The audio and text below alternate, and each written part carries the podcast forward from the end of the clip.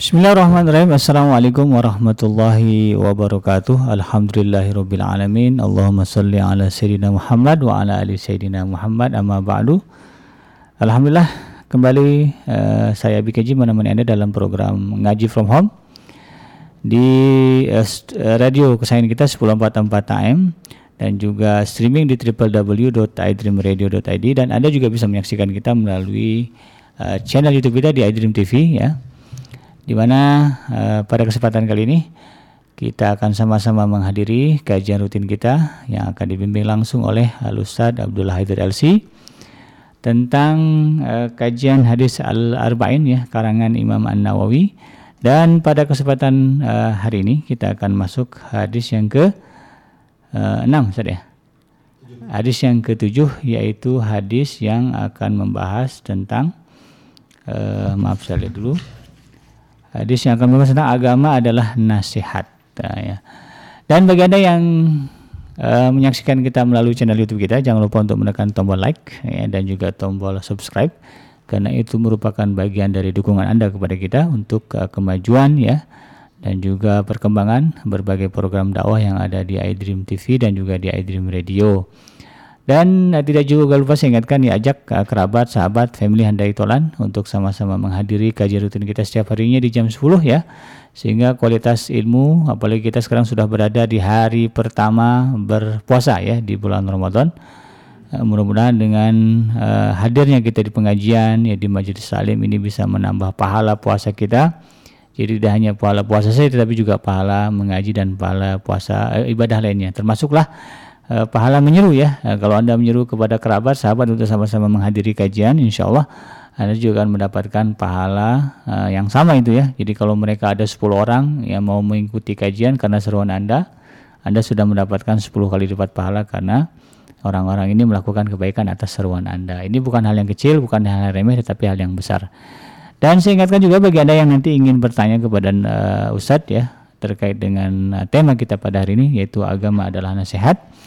Anda bisa bertanya langsung uh, kepada Ustadz melalui pesan singkat WA yang akan saya bacakan nanti di nomor 0822 9881044. Nah, saya ulangi di 0822 9 triple delapan satu empat empat dan anda juga bisa uh, apa namanya uh, kalau memang tidak sempat memegang handphone untuk menulis pesan WA anda bisa langsung uh, menulisnya di kolom chat ya atau di kolom komentar. Insya Allah kalau uh, memungkinkan akan saya bacakan juga untuk kemudian disampaikan kepada Ustadz kita. Baik, tidak berlama-lama lagi, kita langsung saja kepada Ustadz untuk mendengarkan paparan beliau tentang uh, kajian hadis al-arba'in pada kali ini yaitu tema hadis yang ketujuh tentang agama adalah nasihat. Silakan Ustadz. Assalamualaikum warahmatullahi wabarakatuh. Waalaikumsalam warahmatullahi Bismillahirrahmanirrahim. Alhamdulillahi rabbil alamin wassalatu wassalamu ala sayyidina Muhammadin wa ala alihi wa ashabihi wa man tabi'ahum bi ihsanin ila yaumiddin amma ba'd. Sahabat Edrim di mana saja berada, semoga kita selalu berada dalam kasih sayang, keberkahan, keridhaan Allah Subhanahu wa taala. Sebelumnya saya ucapkan Eh, Ramadan Mubarak, ya, selamat beribadah, melakukan berbagai aktivitas ketaatan dan amal soleh di bulan yang penuh keberkahan ini dan kita bersyukur kembali dipertemukan oleh Allah dengan bulan yang barokah. Walau dalam kondisi situasi dan uh, permasalahan yang cukup berat dihadapi oleh uh, seluruh umat manusia sekarang ini, tapi kita sebagai kaum muslimin tetap akan berusaha ya untuk sedapat mungkin meraih kebaikan dan keberkahan di bulan Ramadan. Amin ya rabbal alamin. Uh, sahabat Adrim yang dimuliakan Allah, uh, kita akan lanjutkan kajian kita membahas hadis-hadis yang terkandung dalam kitab Al-Arba'in An-Nawawiyah yaitu Al-Haditsus Sabi'. Hadis yang ketujuh ya. Langsung kita baca hadisnya Bismillahirrahmanirrahim an Abi Ruqayyah Tamim bin Ausin Ad-Dari radhiyallahu anhu. Anna Nabiyya sallallahu alaihi wasallam qala ad-dinu an-nasihah. Qulna liman qala lillahi wali kitabihi wali rasulihi wali a'immatil muslimina wa ammatihim rawahu muslim. Ya. hadis yang uh, relatif cukup singkat ya. Akan tapi juga uh, secara umum atau sering atau banyak di antara kita yang uh, sudah sering mendengar hadis ini bahkan insya Allah sudah menghafalnya.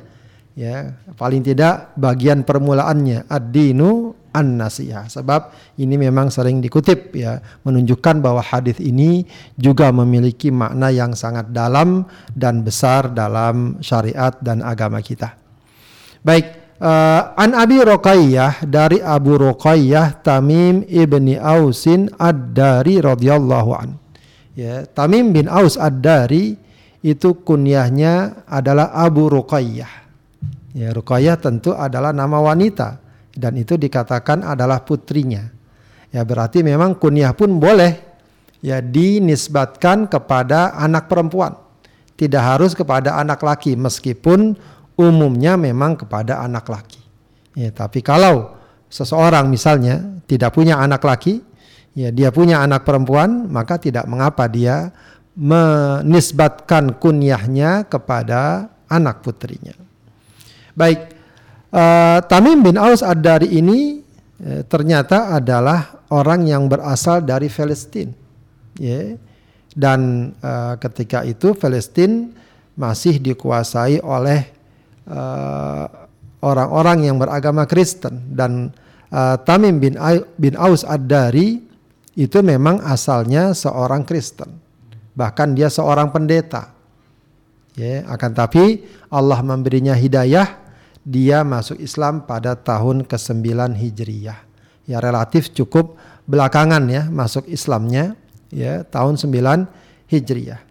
Uh, di antara uh, riwayat atau kisah tentang uh, Tamim bin Aus Ad-Dari adalah kisah dia bertemu dengan apa namanya apa yang kemudian dikenal sebagai dajjal ya bentuk atau wujud uh, makhluk yang bernama dajjal itu sangat dikenal ya dalam pembahasan tentang uh, asyratus saah ya, ya tentang asyratus saah kemudian ada pembahasan tentang seorang sahabat yang bertemu dengan makhluk yang diperkirakan itu adalah dajjal dan hal itu dibenarkan oleh Rasulullah sallallahu alaihi wasallam. Tentu banyak pembicaraan seputar itu dan orang tersebut atau sahabat tersebut adalah Tamim bin Aus ad-Dari. Ya. Kemudian juga dia dikenal sebagai seorang yang ahli ibadah, orang yang sangat warok, orang yang selalu dan rajin qiyamul lail. Ya. Dan kemudian e, sempat hidup pada e, masa khalifah yang empat setelah khalifah Uthman bin Affan atau e, maaf khalifah yang, yang ketiga ya yaitu e, setelah khalifah Uthman bin Affan e, terbunuh ya dia pun pulang kembali ke kampungnya ke negeri Syam tepatnya ke Palestina ya dan wafat di sana dikuburkan di sana pada tahun 40 Hijriah. Radhiyallahu anhu wa ardah. Semoga Allah meridainya, semoga kita pun dapat meneladani ya teladan-teladan kebaikan dari para sahabat radhiyallahu anhum. Baik. Ad-dinu an-nasihah. Ya.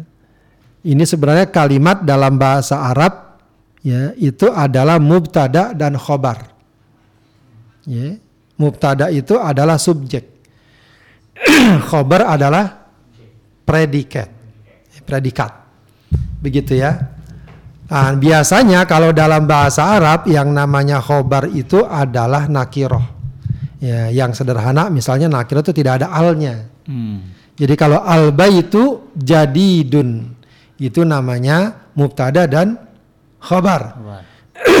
Kalau uh, sifat mausuf itu ada alnya, al baitul jadidu. Jadi kalau ada alnya biasanya itu untuk kalimat yang uh, bentuknya sifat, naat man'ut. Ya, jadi beda al baitul jadidu dengan al baitu jadidun maknanya. Kalau al baitul jadidu itu masih belum sempurna kalau dalam bahasa Arab. Hmm. Ya, masih uh, apa namanya? sifat mausuf rumah yang baru. Ya. Rumah yang baru itu kenapa? Itu kan perlu ada penjelasan. Yeah. Itu masih mubtada, khobarnya mana? Itu masih dicari. Misalnya rumah yang baru itu bagus misalnya. Al baitul jadidu jamilun misalnya. Tapi kalau al baitu jadidun itu mubtada khabar. Ya, udah jelas rumah itu baru. Ya. Nah, ad-dinu an-nasihah itu juga mubtada dan khabar. Ya, jadi bukan sifat mausuf. Iya, iya. Ya, makanya bacanya pun lebih dekat atau lebih tepat kalau dibaca ad-dinu an-nasihah. Bukan ad-dinun nasihah meskipun juga tidak salah mutlak ya. Tapi untuk menggambarkan bahwa ad-dinu ini subjeknya, an-nasihah predikatnya. Cuma memang agak uniknya di sini an-nasihah atau predikat atau khobar itu ada alnya atau disebut al ta'rif, al ma'rifah. Alif lam ma'rif. Ya, ada alif lamnya. Iya. Ya. Nah, ini para ulama mengatakan ini menunjukkan adanya penekanan yang kuat. Ya, penekanan yang Kuat. yang kuat. Ya. Apa namanya? Yang kemudian disebut dengan uh, al-hasrul idhafi. Ya, al-hasrul idhafi. Sehingga kalau mau dibaca artinya adalah bahwa agama itu tak lain merupakan nasihat. Hmm. Ya, jadi penekanan yang kuat seakan-akan yang namanya agama itu ya nggak lain dia nasihat. Dia nasihat, nasihat. Ya, Kalau ada agama kemudian tidak ada nasihat di dalamnya bukan agama, begitu. Pemahaman yang lebih jelas lagi. Namun di sini katakan memang idofi artinya bukan satu-satunya, ya, tapi dia sangat mendasar. Mungkin banyak bagian dari agama yang sangat pen, sangat penting, sangat mendasar. Tapi bagian yang sangat mendasar ini dan boleh dikatakan paling mendasar adalah nasihat. Ya, i- para ulama biasanya me- apa namanya mengaitkan uh, ungkapan atau redaksi hadis ini ad-dinu an-nasihat dengan hadis Rasulullah dalam bab haji al-hajju arafah. Ya. Haji adalah arafah. Ya, padahal tentu kita tahu ya, rukun haji apakah cuma araf ukuf di arafah saja? Tidak. Ada rukun yang Yang lain. yang lain. Tapi saking besarnya kedudukan wukuf di Arafah dalam ibadah haji, maka Rasulullah katakan al hajju Arafah. Haji adalah Arafah. Arafah. Nah itu padadannya sama dengan hadis ini. Ad-dinu an nasiha. Jadi eh, dalam eh, penjelasannya para ulama biasa memberikan contoh ya misalnya at-tajiru zaidun. Ya, Tajir itu pedagang. Yang namanya pedagang itu cuma si Zaid. Hmm. Ya, paham nggak? Iya, iya. Padahal ada nggak selain Zaid yang pedagang? Ada. Ada. Cuma itu untuk menggambarkan Zaid ini memang benar-benar pedagang, ulet, rajin, sukses, berhasil. Ya, untuk menggambarkan ya tentang eh, kedudukan dan besarnya kedudukan Za- Zaid. Zaid sebagai pedagang. Ya, itu sedikit gambaran untuk menggambarkan eh, makna ad-dinu an-nasiha. Hmm. Ya. Nah, tentu memang yang jadi permasalahan adalah eh, makna nasihat itu sendiri. Jadi memang yang agak berat di sini atau yang kadang-kadang sering agak kabur, ya kita ini memahami nasihat, ya khususnya apalagi yang dalam hadis ini, itu ter, eh, terkadang atau memang sudah kadung dengan persepsi yang kita pahami selama ini tentang nasihat. Hmm. Nasihat itu apa? Ya, apa kira Bang Taufik nasihat itu? Misalnya apa nasihat? Hmm. Hasil perkawinan. Ya nasihat ya pokoknya kita ngasih teman ya nasihatin ayo sholat Iya. jangan ini atau nasihat perkawinan artinya biasanya mana kita tentang nasihat sampai di situ aja Iya. ya padahal mana nasihat juga sangat luas itu bagian dari nasihat sebenarnya itu bagian dari Nasihat. nasihat apa yang kita katakan ngajak orang eh, apa namanya sholat Puasa. puasa ngingetin orang jangan itu nasihat betul Iya. itu bagian dari nasihat tapi bukan cuma itu nasihat Hmm. Ya. Ya, ini sama dengan kita istilah yang cukup dikenal di tengah masyarakat silaturahim. Iya. Kita bersilaturahim. Biasanya orang memahami silaturahim itu apa? Berkunjung. Berkunjung. Makanya kita ayo kita silaturahim ke rumah si fulan. Iya. Ya. Padahal yang namanya silaturahim bukan cuma berkun Berkunjung. bukan cuma berkunjung. Kalau nggak berkunjung nggak silaturahim. Oh, iya. iya. Ya, padahal silaturahim bisa kita eh, menanyakan kabarnya lewat telepon. Hmm. Silaturahim juga bisa dalam bentuk kita membantunya, mengirim kalau sekarang mengirim paket, mengirim bantuan. Tuh Nah, itu silaturahim juga.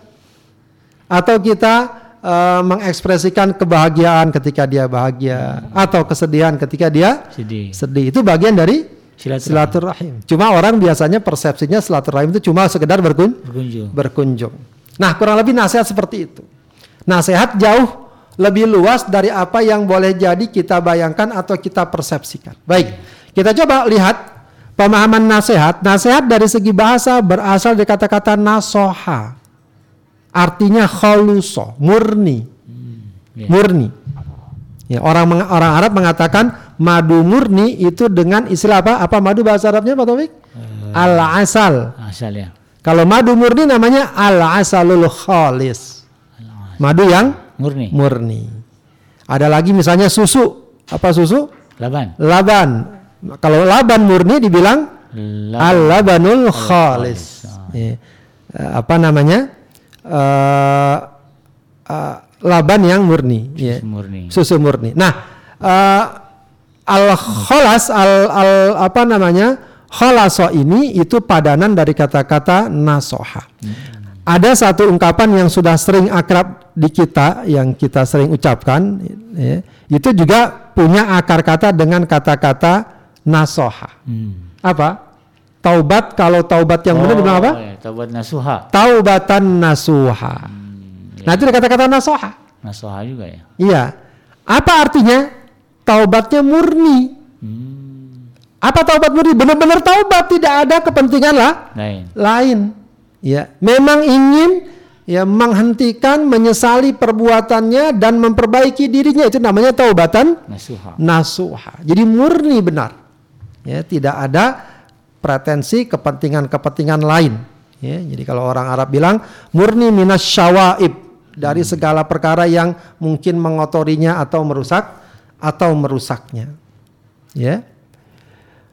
Menurut istilah eh, banyak para ulama memberikan istilah tentang nasihat. Eh, saya pilihkan yang dikutip oleh eh, Ibnu Hajar Al Asqalani dalam kitab Al Fathul, eh, Fathul Bari. Eh, yang dimaksud nasihat adalah kalimatun jamiah. Sebuah kata yang menyeluruh. Jadi katanya menyeluruh. Hmm. Ya sebenarnya mengandung makna yang sangat lu, Luas. luas. Maknanya apa? Hiyazatul hadzi lil mansuhi lahu. Maknanya menghendaki kebaikan bagi yang dinasehati. Jadi bagi objeknya kita menghendaki kebaikan. Hmm. Kebaikan apa-apa saja yang sekiranya memang dinilai baik terkait dengan objeknya tersebut. Ya. Itu nasihat Nasihat. itu nasihat. Maka eh, Rasulullah SAW mengatakan ad-dinu an-nasihah. Agama adalah nasihat. Ya, ini juga sebenarnya kalau kita dinyatakan begini juga memang eh, masih belum jelas, masih belum utuh. Maka wajar kalau kemudian para sahabat bertanya, "Kulna liman ya Rasulullah?" Ya. Untuk siapa ya Rasulullah? Ya, liman, ya maksudnya siapa? Untuk siapa nasihat itu? Rasul bilang lillahi wali kitabihi wali rasulihi wali a'immatil muslimina wa ammatihim. Untuk Allah, untuk kitabnya, untuk rasulnya, untuk para pemimpin muslim dan untuk masyarakat secara umum. Ya. Baik, berarti nasihat itu kata Rasulullah pertama untuk Allah, kedua untuk kitabnya, ketiga untuk rasulnya, keempat untuk para pemimpin muslim dan kelima untuk masyarakat umum. Ya, nah, ini kita katakan ya, kalau seandainya ya, nasihat diartikan begitu saja kita nasihatin orang, Ya. ya, akan jadi repot maknanya bagaimana nasihat kepada Allah. Apa kita mau nasihatin Allah? Ya, kalau persepsi kita dengan persepsi dasar yang kita sudah umum pahami. Ya. Tapi para ulama mengatakan bahwa nasihat kepada Allah itu maknanya adalah memurnikan keimanan kita hanya kepada Allah. Ya.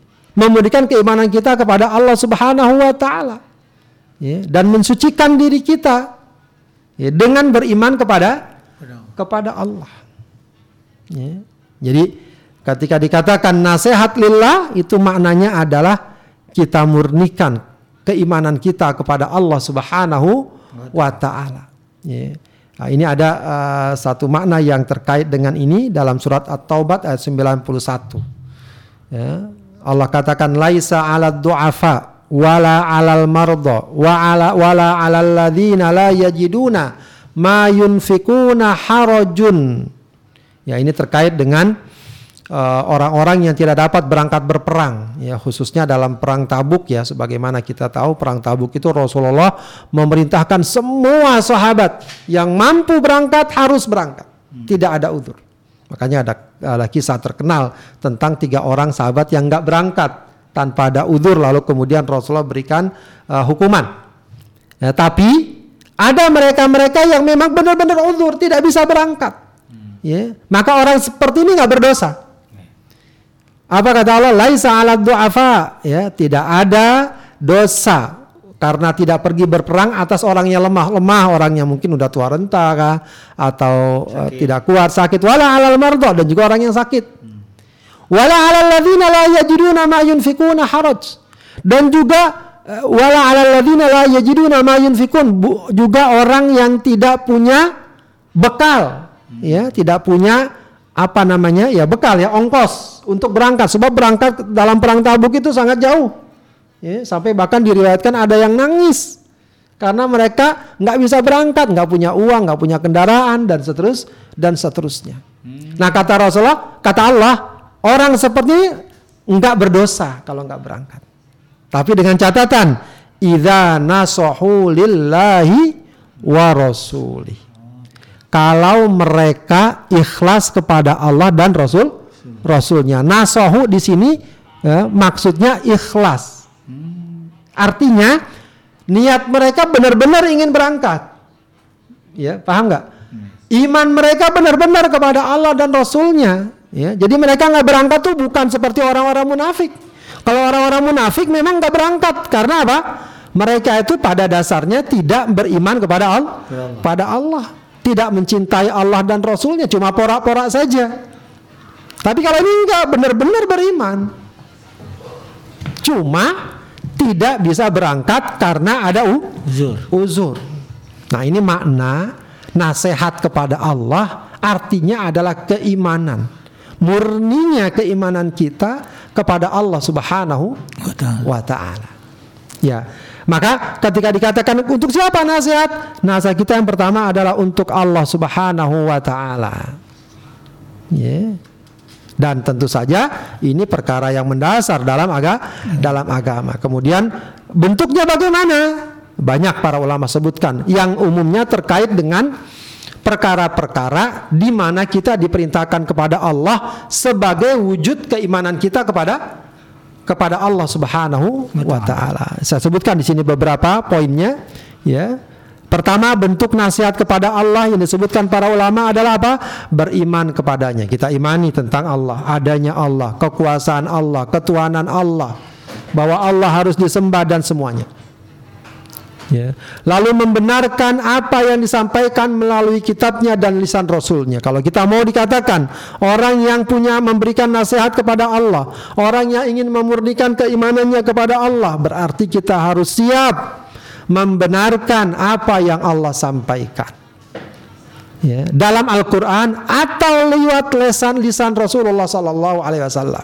Sebab lisan Rasulullah juga tak lain merupakan wahyu Allah wa ma yantiqu anil hawa in huwa illa wahyu, wahyu yuha.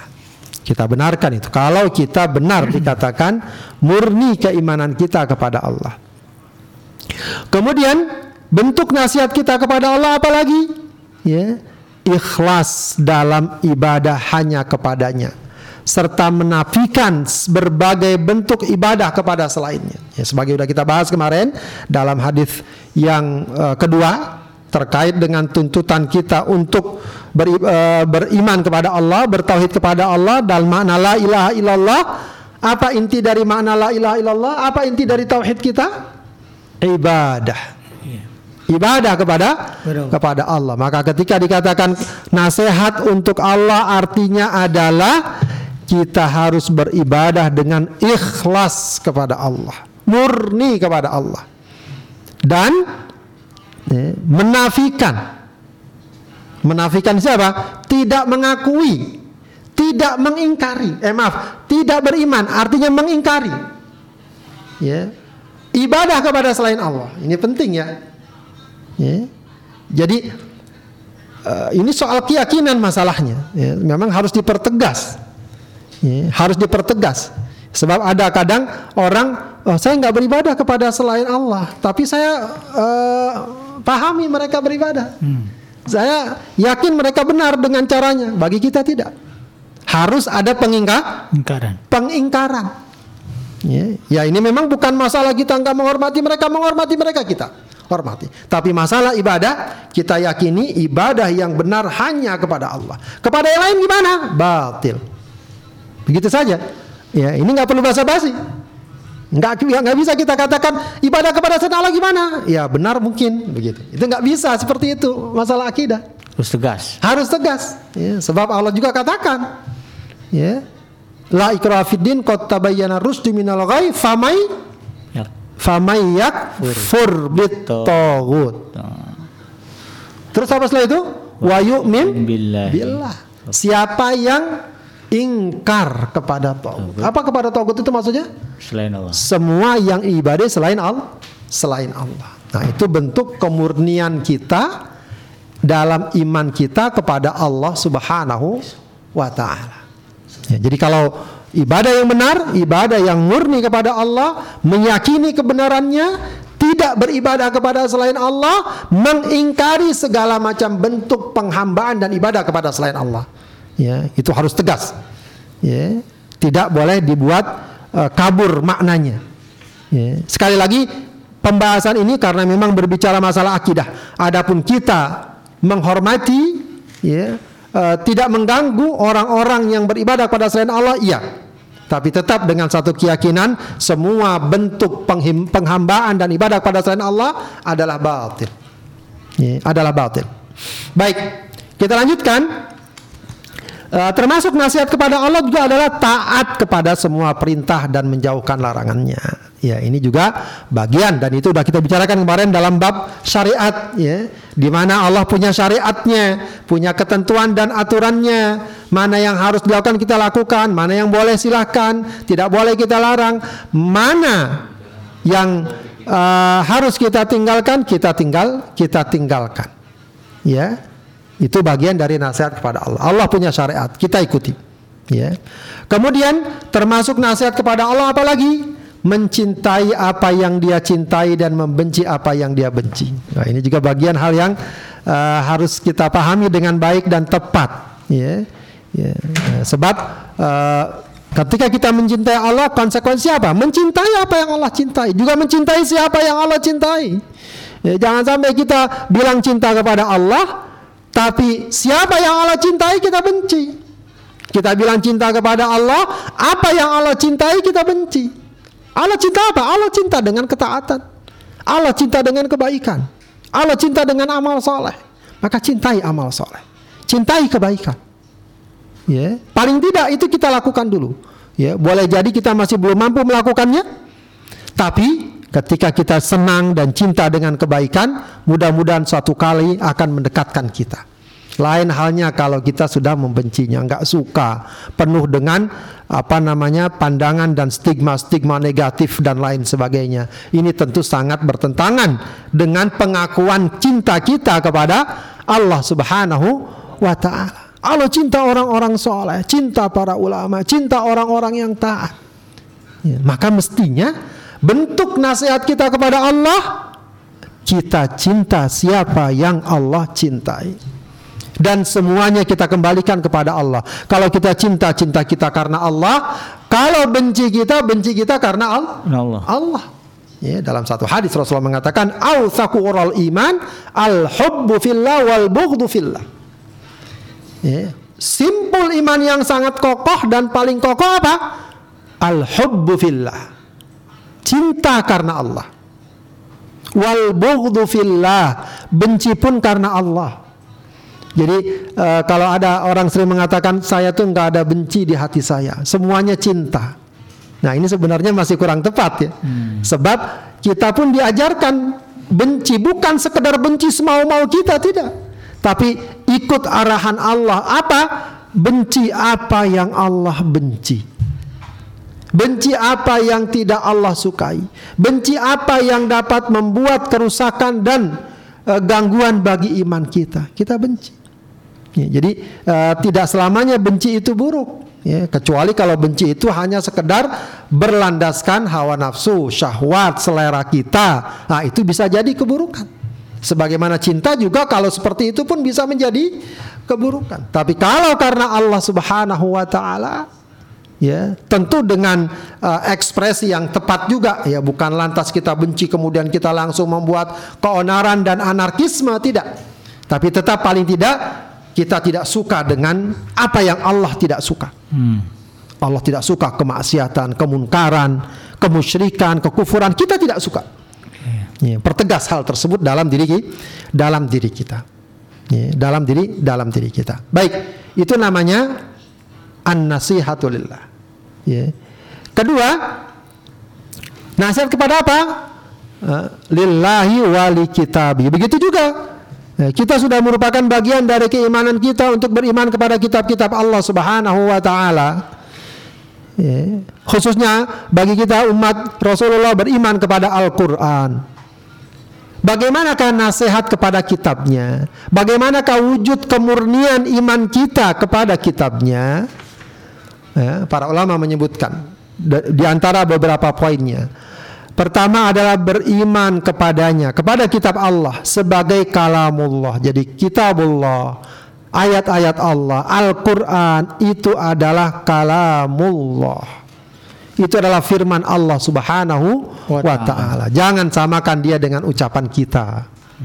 Jangan samakan dia dengan ucapan manusia. Manusia, manusia. dia di atas segala uca ucapan karena dia merupakan kalamullah. Ya, makanya Al-Qur'an uh, didefinisikan sebagai kalamullah al-munazzal ala Muhammadin sallallahu alaihi wasallam al-mu'jiz al-muta'abbid al-muta'abbadu bitilawati. Ya, uh, kalamullah yang turun kepada Nabi Muhammad sallallahu alaihi wasallam dan menjadi mukjizat ya, serta ucapan yang dianggap beribadah ketika kita membacanya. Maka kita imani bahwa Al-Quran adalah kalamullah. Dia bukan ucapan Rasulullah, apalagi ucapan yang lainnya. Ya, dia adalah kalamullah. Dan bukan hanya itu, kita benarkan apa yang terdapat di dalamnya. Berita-beritakah, hukum-hukumkah, pelajaran-pelajarankah, kisah-kisahkah, kita benarkan bahwa semua itu adalah berasal dari uh, kalamullah. Kemudian sikap kita yang juga dituntut terhadap kitabnya adalah mengagungkannya, memuliakannya. Ya, jangan lagi-lagi ada orang yang menghina Al-Qur'an, baik dari segi ucapan sampai dari segi perbuatan. Ya, bagi seorang muslim sebagaimana kita jelaskan, ya, tidak sudi kita menghina dan merendahkan Al-Quran sebagaimana kita pun tidak akan sudi jika ada orang yang coba-coba merendahkan dan menghina Al-Quran kita harus bereaksi menolaknya menyatakan pengingkaran kepadanya ya tentu dengan berbagai macam bentuk uh, sikap positif yang dapat kita sampai sampaikan kalau ada orang yang ingin menghina Al-Qur'an Al-Quran. Karena apa? Karena memang kita diperintahkan dan konsekuensi logisnya ya kita menghormati dan memuliakan kalamullah. Ya dan tentu saja juga bentuknya adalah dengan membacanya. Ya dengan menelaahnya dengan mempelajarinya dan mengamalkan apa yang ada di dalamnya. Termasuk nasihat kepada kitabullah yang disebut para ulama juga adalah membelanya membela Al-Qur'an dari penafsiran batil. Ya, Al-Qur'an ini memang kalam Allah tapi penafsirannya kadang diselewengkan. Ya, diselewengkan dari makna yang seharusnya. Karenanya memang Al-Quran harus kita pahami dan kita pelajari berdasarkan panduan dan tuntunan para ulama. Ya, jadi ayat itu bisa saja dieksploitir. Ya, di apa namanya dimanipulasi. Ya, bisa saja orang kalau sudah maunya gampang mencari ayat sana sini untuk menguatkan pendapatnya walau pendapat dan pandangannya batil. Iya. Yeah. Yeah, kemarin yang kita singgung ada orang yang ingin mencoba menghalalkan zina, kalau seandainya uh, dilakukan. dilakukan di kamar sendiri, tidak mengajak-ngajak. Ada dalilnya dalam Al-Quran menurut dia. Ah, Tapi para ulama tidak ada satupun yang menjadikan hal itu sebagai dalil bolehnya bersih berzina. berzina. Ya, sangat banyak cara yang dilakukan. Ma- namanya otak manusia. Kalau dipakai buat melenceng, ada saja caranya. Hmm. Ya, kalau kita lihat sekarang hukum-hukum diterapkan, ada saja cara orang kalau pengen menyim, Nyimpang. pengen menyimpang. Ya, termasuk terhadap Al-Qur'an. Ya, misalnya ada orang yang ingin mengatakan apa? Ya, eh, sholat itu enggak enggak wajib, enggak perlu. Kalau mau dicari dalilnya ada. Iya, iya, iya. Ya, misal dalam Al-Quran dikatakan apa? Wa aqimis sholata lidzikri. Iya. Tegakkan sholat untuk mengingat Menurutku. mengingatku. Maka bisa disimpulkan kan sholat untuk mengingat aku. Berarti kalau aku udah ingat nggak perlu salat. nggak perlu sholat. Begitu sederhana saja. Iya. Iya. Dia lupakan ayat-ayat Allah yang memerintahkan kita untuk menegakkan sholat. Salat. Menegakkan sholat. Akan dicari-cari itu sela-selanya. Begitu ya.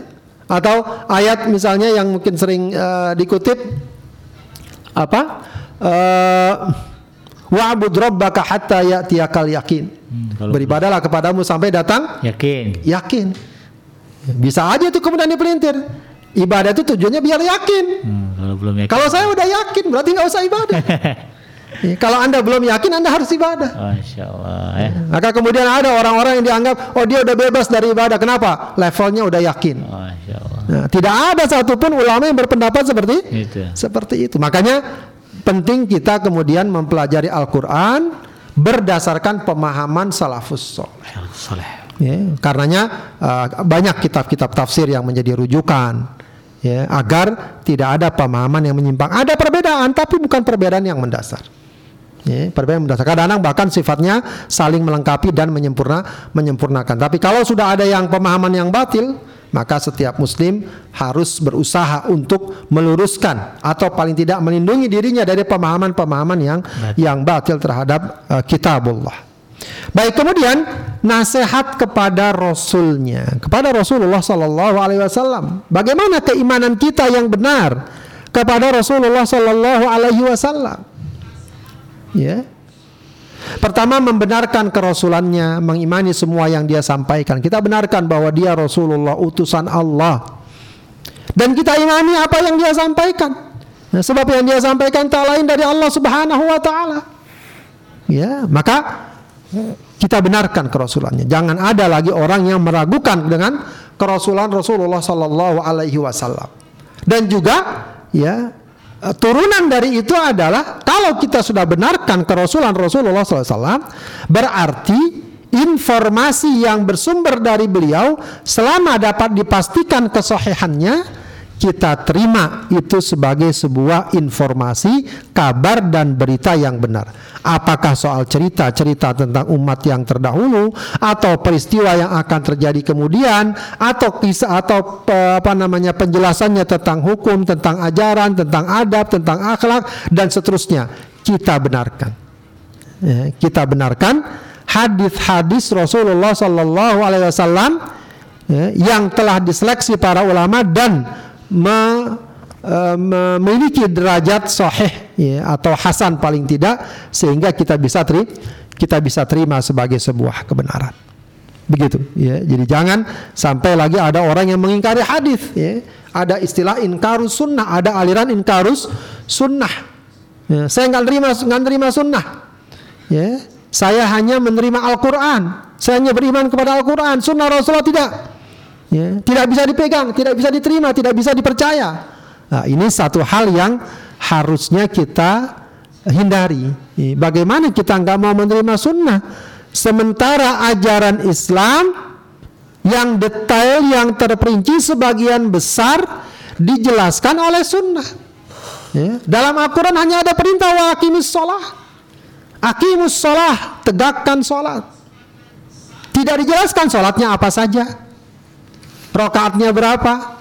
Syarat rukunnya apa? Tidak. Itu dijelaskan dalam hadis-hadis Rasulullah Sallallahu Alaihi Wasallam. Kalau ada orang ingkar sunnah, bagaimana dia mau sholat? Bagaimana dia mau pergi haji? Bagaimana dia mau berpuasa? Secara detail. Eh, maka sangat tidak logis orang tidak mempercayai sunnah Rasulullah Sallallahu Alaihi Wasallam dengan alasan hanya percaya kepada Al-Quran. Kemudian tentu saja tidak hanya sekedar kita percaya, kita taat pada setiap perintahnya, ya, dan meninggalkan larangannya. Sama dengan kita beriman kepada Allah dan beriman kepada kitab-kitabnya. Apa yang Rasulullah ajarkan, kita ambil. Ah, perintahkan, kita ambil. Kata Allah Subhanahu wa taala, "Wa ma atakumur rasulu fakhudhuhu wa ma nahakum anhu fantahu." Apa yang Allah Rasulullah bawa, ambil. Gunakan, pakai, jadikan sebagai pedoman. Apa yang dia larang, maka berhentilah. Tinggalkan, tinggalkanlah. Kemudian juga termasuk nasihat kepada Rasulnya apa? Membelanya dan ajarannya. Membela Rasulullah. Sekarang tidak sedikit banyak orang yang melecehkan, menghina Rasulullah Sallallahu Alaihi Wasallam entah dengan tulisan, entah dengan gambar, entah dengan cerita dan lain sebagainya. Ya, naudzubillah. Ya, tampaknya semakin ke sini semakin banyak orang yang berani. Mestinya harus ada tindakan tegas terhadap mereka. Harusnya begitu. Dan kita minta sebagai kaum muslimin, ya, siapa pun yang punya wewenang melihat ada orang yang mencela dan menghina Rasulullah, jangan tunggu waktu lama. Ya. Kewajibannya adalah mereka harus diberikan hukuman. Paling tidak diberikan pelajaran agar tidak menjadi presiden buruk bagi yang lain bagi yang lainnya. Tapi kalau ada satu orang menghina Rasulullah lalu dibiarkan ya dengan alasan kebebasan berekspresi, dengan alasan uh, demokrasi dan lain sebagainya, maka itu sesuatu yang tidak mungkin kita terima. Ya, demokrasi tidak berarti seseorang bebas melakukan penghinaan, melakukan tindakan yang tercela apalagi terhadap figur-figur yang sangat kita muliakan dan masuk dalam ranah iman dan akidah kita. Ya. Baik, kita bela Rasulullah SAW. Kita ajarannya pun kita bela. Ada orang yang menghina ajaran Islam dengan berbagai macam cara dan bentuknya. Itu pun juga harus kita bela. Paling tidak kita sampaikan bantahannya, ajarannya tidak seperti itu. Kalaupun ada pengamalan dan praktek yang tidak benar, jangan salahkan ajarannya. Orang yang mengamalkannya. Ya, ini yang harus kita pahami. Ya, kadang-kadang orang tidak membedakan mana Islam, mana orang Islam. Ya, Islam dari Allah ajarannya benar dan bagus serta indah. Cuma mungkin ada yang mengamalkannya tidak benar, tidak tepat, atau ya sebagian-sebagian, ya, sehingga tidak tampak kemuliaan ajaran ajaran Islam. Yang ada justru malah gambaran-gambaran dan citra yang negatif. Nah, hal ini kadang mengundang orang untuk mencela ajaran Islam. Ya. Seseorang atau kita misalnya mengecam perbuatan buruk, dari apa yang dilakukan oleh orang muslim silahkan ya kita kecam perbuatan orang tersebut tapi kemudian kalau menjalar dengan mengecam perbuatan atau ibadah dan syariat Allah itu yang tidak boleh terja terjadi. Kemudian kita pun diperintahkan untuk mencintainya, mengagungkannya serta menjadikannya sebagai teladan dalam kehidupan. Ya, nasihat kepada Rasul artinya adalah kita ya menghormati dan memuliakan Rasulullah Shallallahu Alaihi Wasallam, mengagungkannya, memuliakan tentu dengan batas yang tidak berlebihan, tidak sampai menuhankannya, tidak sampai menyembahnya, ya, tapi memang sebagaimana kita diperintahkan untuk memuliakan dan mengagungkannya, bahkan hendaknya dia kita jadikan sebagai teladan utama dalam hidup kita. Maka miris dan ironis kalau ada orang Muslim, ya teladannya, idolanya justru adalah orang-orang yang jauh dari ajaran Rasulullah Sallallahu Alaihi Wasallam. Ya, dia begitu mengidolakan si fulan si fulan, padahal jangankan beriman, jangankan dia taat beriman pun tidak. Hmm, jauh sekali dari nilai keimanan. Maka kita ingatkan diri kita, hati-hati dengan masalah ini. Walau kelihatan sederhana, ini kan cuma mode saja, cuma tren saja, tapi hmm. juga tidak sederhana itu bagi seorang muslim. Harus kita giring diri kita, keinginan kita untuk menghidupkan ya, teladan Rasulullah sebagai ya katakan sebagai idola kita, sebagai panutan utama dalam kehidupan kita. Baik, kemudian apalagi nasihat kepada pemimpin muslim. Hmm. Nah, kalau nasihat kepada pemimpin muslim dan nanti nasihat kepada orang muslim secara umum, ini maknanya adalah bagaimana cinta kita, bagaimana tuntutan kita kepada para pemimpin dan kepada kaum muslimin secara umum. Ya. Jadi kalau orang ingin mencintai kepada para pemimpin, ya maka dia harus memenuhi berbagai macam kriteria dan itu adalah yang disebut dengan nasihat kepada para pemimpin muslim. Jadi tidak selalu identik nasihat kepada para pemimpin muslim, kita kasih nasihat harus begini jangan begini. Itu bagiannya.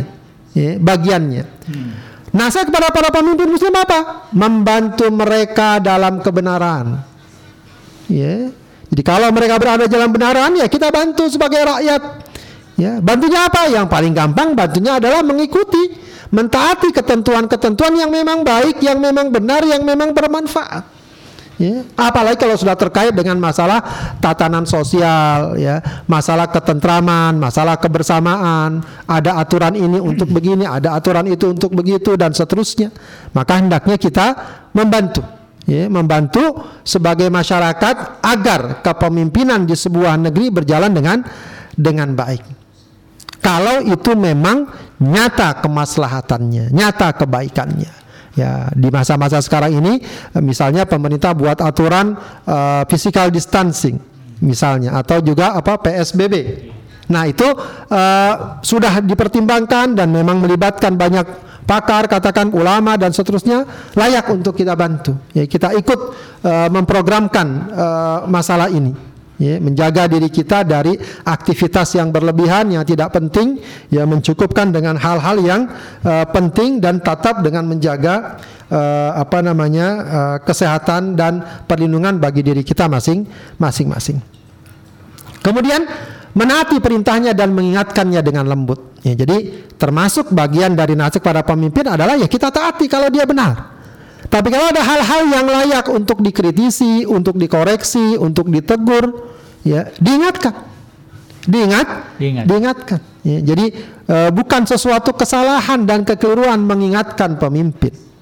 Ya, bahkan justru semestinya kalau seorang pemimpin itu ya, adalah orang yang objektif, adalah orang yang benar-benar ingin kebaikan, mestinya dia senang senang kalau ada yang mengingat mengingatkan. mengingatkan. Walau kadang-kadang yang namanya mengingatkan atau dengan bahasa sekarang mengkritisi dan lain sebagainya, walau kadang-kadang itu mungkin dengan bahasa yang keras ya, yang tegas dan semacamnya. Itu masing-masing pembawaan dan pendekatan. Ya. Akan tapi memang yang tidak boleh adalah kalau melakukan penghinaan, penistaan itu tidak boleh. Tapi kadang ada kritik yang tegas. Ya, saking dia ingin mendapatkan kebenaran ya di zaman Umar bin Khattab radhiyallahu an ya dia minta ya, agar membantunya untuk uh, melaksanakan pemerintahan dan menegurnya kalau ada kesalahan. Sampai seorang sahabat mengatakan saya akan tegur dengan ini. Lalu dia unjukkan sebuah sebilah pedang. Umar tidak marah. Kenapa? Karena itu menggambarkan kesungguhan rakyatnya untuk mengontrol pemerintahan dengan ba dengan baik. Ya kalau budaya ini terbangun dengan kondusif maka akan terjadi kontrol yang sangat bermanfaat, kontrol sosial yang sangat bermanfaat. Ya, namun juga tentu kita pun harus proporsional. Ya, jangan sampai karena alasannya memang tidak suka apa pun kita katakan salah, tidak. Yang baik kita katakan baik.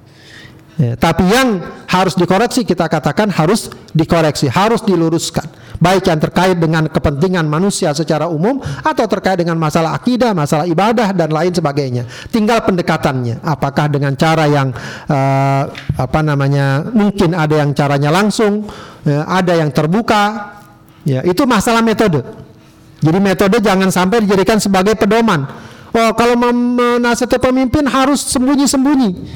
Ya, sementara kita dapati banyak para ulama yang terang-terangan menyampaikan nasihatnya. Tinggal masalahnya jangan sertakan misalnya uh, sikap menista, sikap menjatuhkan. Apalagi kalau sampai ya memprovokasi untuk membuat keonaran dan anarkisme. Nah, itu yang dilarang. Ya, tapi kalau tujuannya untuk memberikan kebaikan dan nasihat itu uh, sebuah tindakan yang sangat terpuji. Ya bahkan uh, Rasulullah SAW mengatakan uh, apa namanya uh, di antara jihad yang paling utama yang afdal adalah kalimat hakin inda sultanin jair. Menyampaikan kalimat yang hak di depan penguasa yang zo, yang zalim. Ya. jadi masing-masing ada ada proporsinya Ya, ada proporsinya. Sampaikan kalau memang ada hal yang perlu disampaikan. Tapi jangan melakukan ke kekerasan, kerusakan, ya, tindakan onar itu yang tidak bo boleh. yang tidak boleh. Termasuk juga nasihat pada pemimpin apa? Mendoakan mereka. Ini juga penting ya, mendoakan pemimpin. Pemimpin. Nah, di antara doa-doa yang sering dibaca pada khutbah Jumat, mestinya di antara doa yang dianjurkan para ulama dalam khutbah Jumat itu adalah doa kebaikan untuk para pemimpin. Oh. Yeah. Ya, itu penting ya agar ada semacam semangat bagi kita untuk mengharapkan pemimpin yang yang baik. Ya, Allahumma waffiq ulata amrina lima tuhibbu wa tarda. Hmm. Ya Allah berilah taufik kepada para pemimpin kami sebagaimana yang engkau cintai dan engkau engkau ridhoi. Ya, itu bagus bagus ya kita uh, mendoakan kepada para para pemimpin. Ya, meskipun bisa juga kita berdoa Allahumma la tusallit alaina man la yakhafuka fina wa la yarhamuna. Hmm. Ya Allah jangan pimpin kami, jangan pimpin atas kami orang-orang yang tidak mencintai. Ya, yang tidak apa namanya takut kepada Engkau hmm. dan tidak sayang kepada kami. Ya, ya. Ya. Paling jauh kita bisa berdoa seperti itu. Tapi juga kita doakan kebaikan-kebaikan uh, buat para pemimpin agar mendapatkan hidayah, mendapatkan petunjuk dalam menjalankan roda kepemimpinannya. Baik, kemudian juga nasihat kepada kaum muslimin secara umum. Ya, jadi nasihat ini maknanya umum memang, bukan sekedar kita kasih nasihat kita ngomong baik. Nah itu bagian dari nasihat, tapi maknanya lebih luas dari itu makna nasihat. Ya, di antaranya apa? Memberi petunjuk untuk kebaikan mereka baik dunia maupun akhirat dan menolong mereka untuk itu. Ya, kalau kita ingin memberikan nasihat kepada kaum muslimin, saudara-saudara kita, entah tetangga kita atau, atau siapa saja, kasih petunjuk-petunjuk kebaikan, baik urusan dunia maupun urusan akhirat. Ya, ada perkara dunia, tips, cara, metode yang baik kita kasih, begitu ya. Apalagi kalau hal itu mendesak, oh jangan begini bahaya. Kalau mau yang ini, begitu ya. Atau urusan akhirat itu lebih lagi. Ya. Kita uh, ajarkan oh, bagaimana misalnya soal puasa, bagaimana soal zakat, kasih tahu. Ya, kasih tahu dan bahkan tolong mereka untuk itu. Ya, dia pengen zakat nih, kita kita ajak kepada orang yang berhak menerimanya atau kepada lembaga yang uh, dapat menyalurkannya. Kita kasih kemudahan. Kita support dia. Dia mungkin nggak punya ini untuk pengen ngaji. Kalau bisa kita bantu. Oh, saya pengen ngaji cuma saya nggak punya ongkos. Kasih ongkosnya. Ya, begitulah nasihat kepada saudara sesama. muslim ya. Kemudian menutup aib dan celah yang ada pada mereka. Ini memang satu hal yang harus kita budayakan ya. Setiap orang pasti punya aib. Kita pun punya aib. Kita punya celah. Siapa yang tidak punya celah dalam kehidupan? Dan kita pasti nggak suka kalau aib dan celah kita terbuka di depan umum. Ya, maka hati-hati dengan masalah ini. Ya, jangan sekali-kali kita mudah membuka aib orang.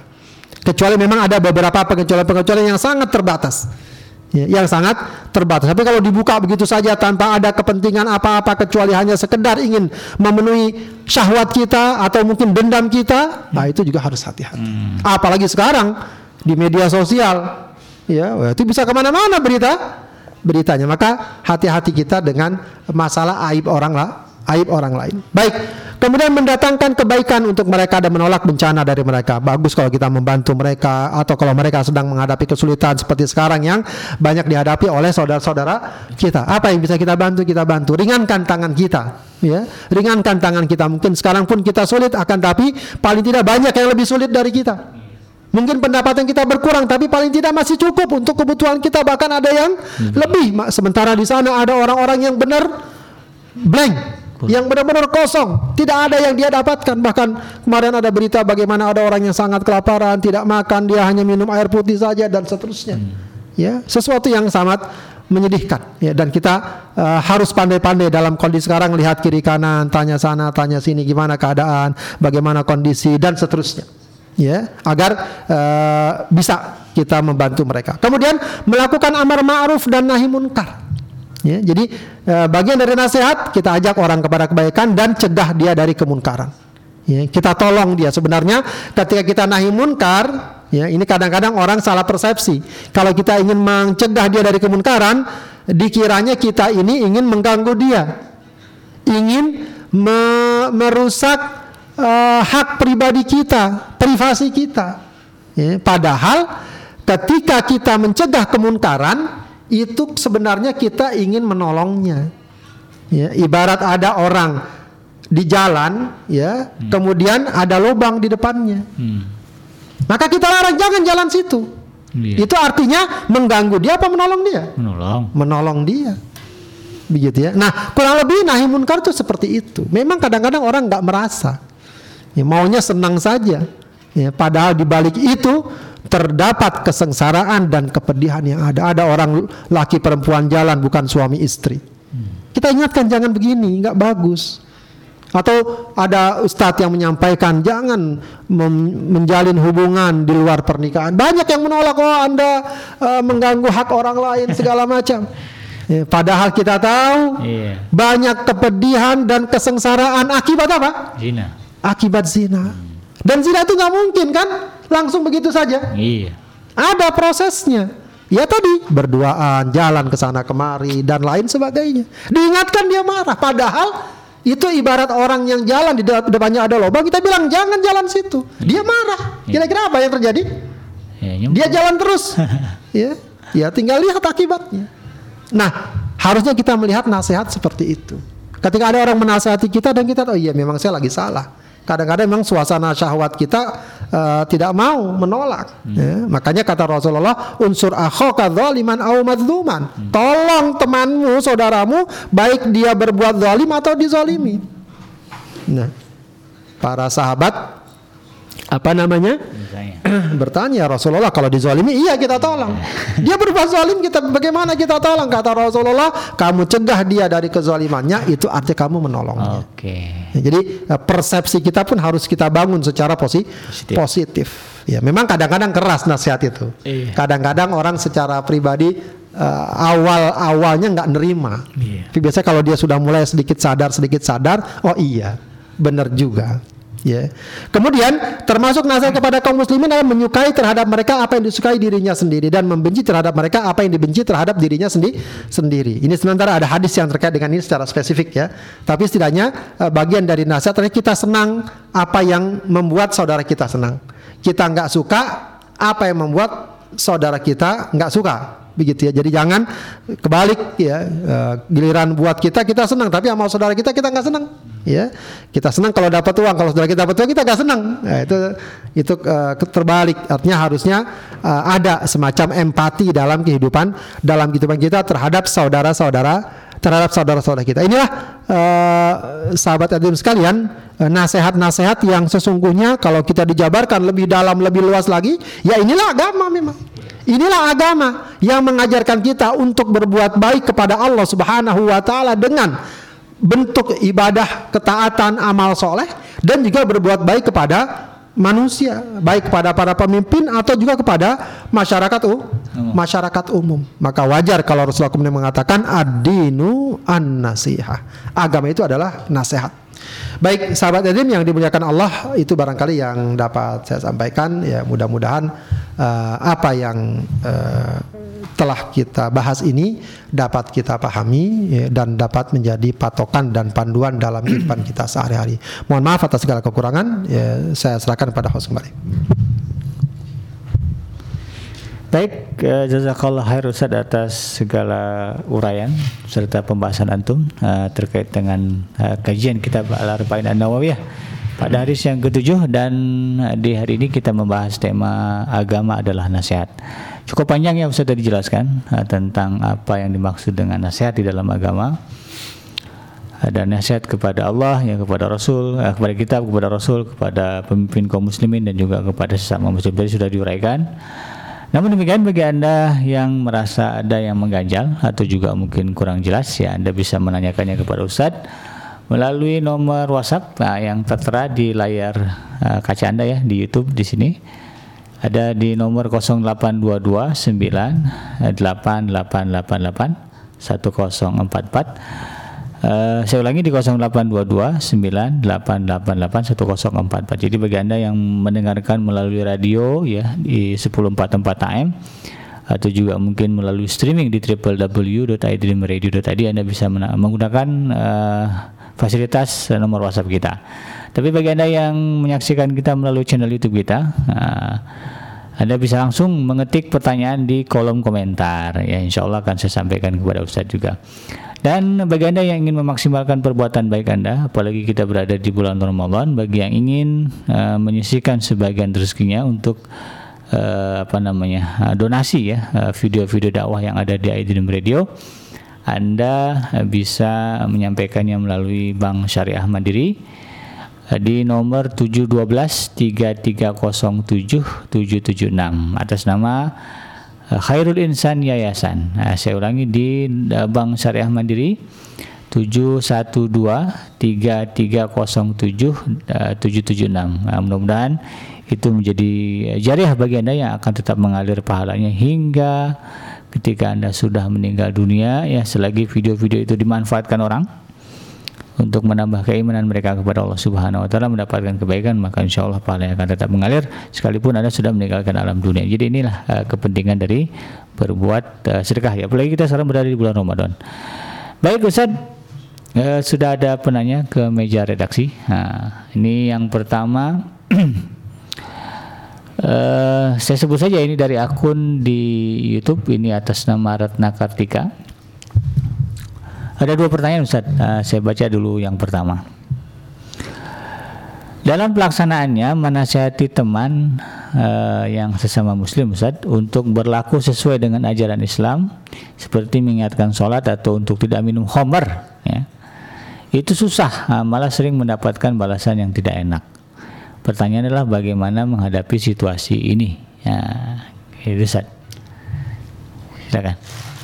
Ya Baik, uh, terkait dengan nasihat dengan makna ya menasehati ya mengajak mengajak pada kebaikan atau mencegah pada kemunkaran ah. ya harus kita pahami dulu ya bahwa ini adalah tugas dan kewajiban kita. Oke. Okay. Ya.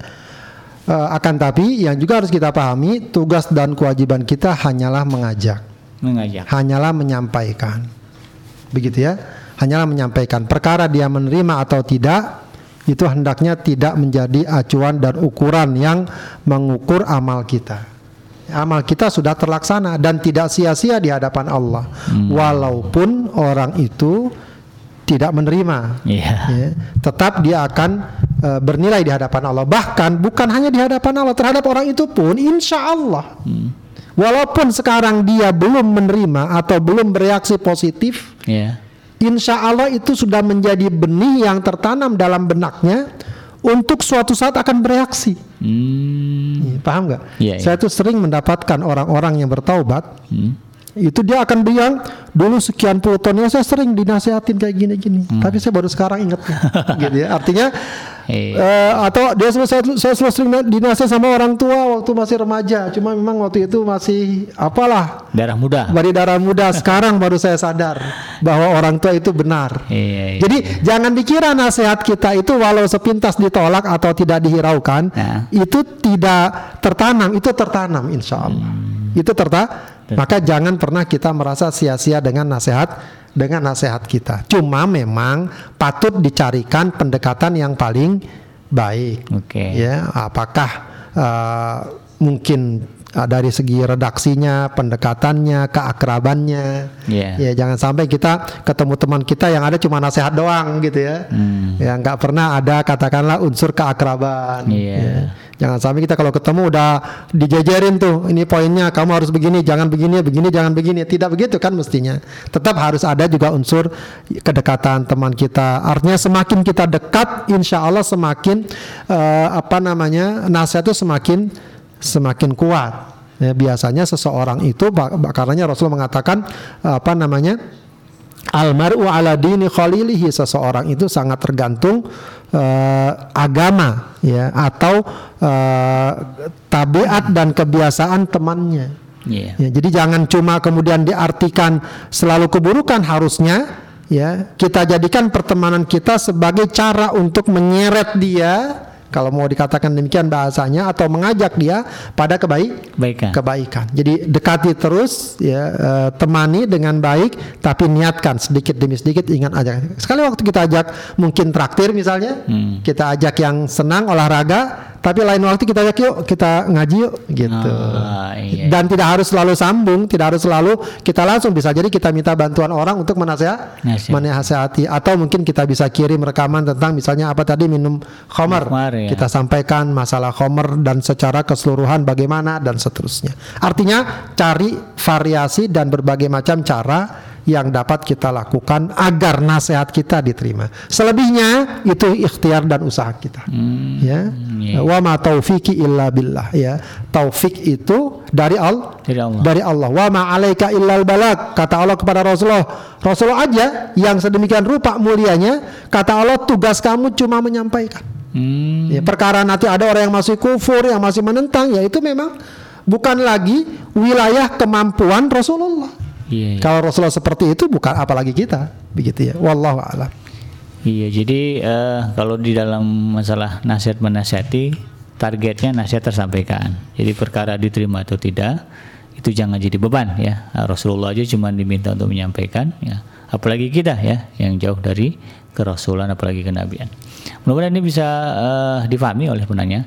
Dan masih dari yang penanya yang sama saat ini terkait dengan ada nggak doa khusus agar nasihat yang akan atau sudah kita sampaikan ini bisa diikuti oleh orang yang eh, kita berikan nasihat tanpa penolakan. Ada nggak sih doanya? Ya wallahu alam kalau yang dekat doa itu adalah doa Nabi Musa alaihissalam. Ya, Nah, ketika beliau diperintahkan Allah untuk berdakwah kepada Fira Firaun. Fir'aun. Ya, maka beliau berdoa dengan doa yang insya Allah kita hafal. Iya, Rob- Apa Pak Taufik doanya? Rabbi israh li- Rabbi israh li sadri wa yassir li amri wahlul 'uqdatam min lisani Yafqahu yafqahu qawli. Itu di antara mungkin kalau uh, yang bisa ya kita ambil dari Al-Qur'an. Adapun secara umum uh, bisa saja kita doakan, kita sertakan Hmm. doa-doa kita dan kita hadirkan saudara-saudara kita. Baca kita baca saja ya Allah berilah hidayah buat teman saya si fulan. Jadikanlah dia orang yang uh, rajin sholat, meninggalkan khamar nggak apa, langsung saja kalau memang kita tidak uh, bisa bahasa Arab langsung bahasa Indonesia tidak mengapa. Sebutkan namanya secara detail. Dan itu bahkan termasuk doa yang mustajabah kata Rasulullah ya doaul muslim uh, dakwatul muslim li akhihi fi dhahril ghaib mustajabah doa seorang muslim kepada saudaranya tanpa diketahui oleh saudaranya itu mustajabah akan dikabul Dikabulkan. akan dikabulkan. Jadi bukan cuma masalah redaksinya, tapi ketika kita doakan dia kebaikan dan dia tidak tahu kalau kita doakan, kita sebut namanya ya Allah si fulan bin fulan sampai sekarang masih minum khamr ya Allah jauhkanlah dia dari khamr. Wah itu satu hal yang eh, sangat eh, indah sekali sebagai wujud dari eh, persaudaraan dan eh, pertemanan yang baik dan eh, dan berkah insya Allah. Ya baik ya Uhti Ratna Kartika yang bertanya tadi ada dua persoalan mudah-mudahan bisa difahami dan bisa diamalkan. Kalau doa tadi tuh doanya Nabi Musa. Rabbi srahli sadri wa yassir li amri wa hlul 'uqdatam lisani yafqahu qawli. Apa lebih kanji, cari ya di internet ya, atau juga di YouTube insya Allah ketemu ya. Ustaz, kita lanjut lagi ke penanya berikutnya ini dari seorang Uhti di Bekasi Ustaz.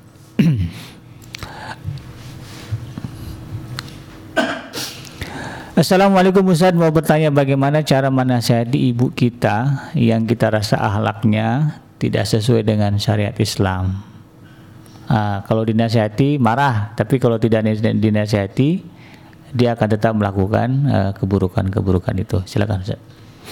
Ya, eh, kalaulah kepada teman kita diminta untuk mengatur berbagai macam siasat dalam menasihatinya, apalagi kepada ibu, begitu ya, apalagi kepada orang tua, ya memang harus betul-betul lebih eh, teliti lagi, ya lebih detail lagi, lebih smooth lagi, ya dengan hal-hal yang paling mungkin. Tapi eh, dari segi eh, semangat, ya dari segi eh, apa namanya motivasi, tetap tidak boleh redup Iya. keinginan untuk memperbaiki atau mungkin meluruskan apa yang dianggap kurang pada orang tua apakah Iya. mungkin dia malas sholatnya misalnya atau tidak menutup aurat Iya. dan lain sebagainya nah itu uh, patut kita cari cara dan jalan yang terbaik walau alam saya kira banyak ya cuma ada uh, beberapa kasus misalnya anak yang uh, sedapat mungkin ketika dia menghadapi kondisi seperti itu dia berusaha untuk menjadikan posisi dirinya itu bagi orang tuanya menjadi sangat penting.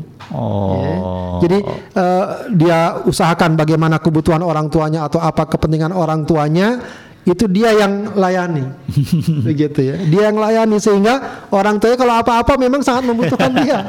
Punya daya tawar tinggi. Ya anak itu punya daya tawar tinggi betul. Jadi manusiawi orang kalau sudah sering dilayani sering dibantu dan dia sangat bergantung kepada iya. kita kita minta tolong dong sholat. Kira-kira mau nggak orang? Iya iya pasti. Ya, ada orang yang uh, kita kasih bantuan dan lain sebagainya meskipun kita tentu ikhlas untuk Iya, itu kan. iya, Ya, tapi ketika dia sudah uh, sedemikian rupa melihat kita maka apa pun yang kita minta walau sederhana dia akan turuti. Iya. Jadi anak juga begitu, jangan sampai anak sama orang tua jarang negor, jangan apa, tapi cuma bisa nyuruh ini ngelarang ini misalnya. Ah. Orang tua akan semakin resisten, akan bisa semakin tinggi, ya. Tapi ketika mungkin nggak harus selalu menasehati kan bentuknya, datang apa yang dibutuhkan, Iya. apa pokoknya tampilkan diri kita sebagai anak adalah anak yang sangat peduli kepada Orang kedua orang tuanya, ya.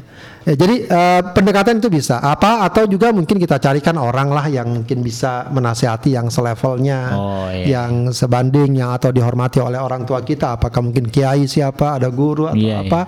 Kalau mungkin kita masih sangat terlalu muda, ya masih masih remaja dan seterusnya. Memang sangat berpengaruh itu usia juga. Ya jadi remaja, eh, memang sih sebetulnya idealnya nggak pandang usia. Iya. Cuma namanya orang tua pun juga kadang-kadang hal itu akan jadi permasalahan gitu ya. Ini anak baru SMA misalnya, baru juga mulai kuliah udah nasihati saya gini gitu misalnya. Kan sangat mungkin pandangan orang tua bernilai seperti itu. Nah kita bisa minta bantu kalau memang perkaranya sangat mendasar ya dia nggak belum sholat misalnya atau dia nggak menutup aurat atau mungkin dia melakukan sesuatu yang mungkin munkar dan seterusnya. Jadi uh, usahakan sedapat mungkin ya. Kalaupun tidak ya langsung saja dengan bahasa-bahasa yang sangat halus, bahasa-bahasa yang memang menunjukkan bahwa kita sayang, kita cinta. Biasanya uh, dengan kedekatan-kedekatan yang sangat tinggi itu mudah-mudahan akan sedikit banyak uh, mempengaruhi atau merubah orang tua. Dan yang tak kalah pentingnya teruslah doakan. Doa saya teruslah doakan jangan pernah berhenti juga untuk berbuat baik kepadanya. Hmm. ya, jadi jangan sekali-kali oh gara-gara nggak salah udah saya berhentiin dah kirimannya. Enggak. Iya iya kelewat tetap jangan. Iya. ya, jangan pernah berhenti untuk selalu berbuat Baik. baik, kepadanya. Ya walau dalam kondisi sampai sekarang masih juga belum mengikuti apa yang Iya. kita nasihatkan. Ya wallahu a'lam Baik, mudah-mudahan eh, penanya dari Bekasi tadi eh, bisa dipahami ya tentang bagaimana menasihati orang tua. Itulah orang tua ya, kalau kata Ustadz Somad eh, seperti Al-Quran buruk. Ha, jadi dibiarkan saja, jangan diapa-apakan nanti juga hilang sendiri ya perangai-perangainya yang buruk-buruk itu. Kita lanjut Ustadz ke penanya berikutnya. Assalamualaikum Ustadz dari hamba Allah, saya ingin bertanya, kalau kita merasa diri kita belum baik, apakah uh, layak kita memberikan nasihat kepada orang lain? Terima kasih Ustaz. Ya, ini eh, termasuk satu kalau boleh dibilang syubhat ya, Ah, yang cukup sering dan disampaikan Iya, dan ya boleh jadi cukup banyak menimpa orang. Ah, Ya, ya dia mengatakan saya nggak bisa saya berdakwah atau nasihatin orang, "Ah, saya aja masih nggak benar, gitu ya.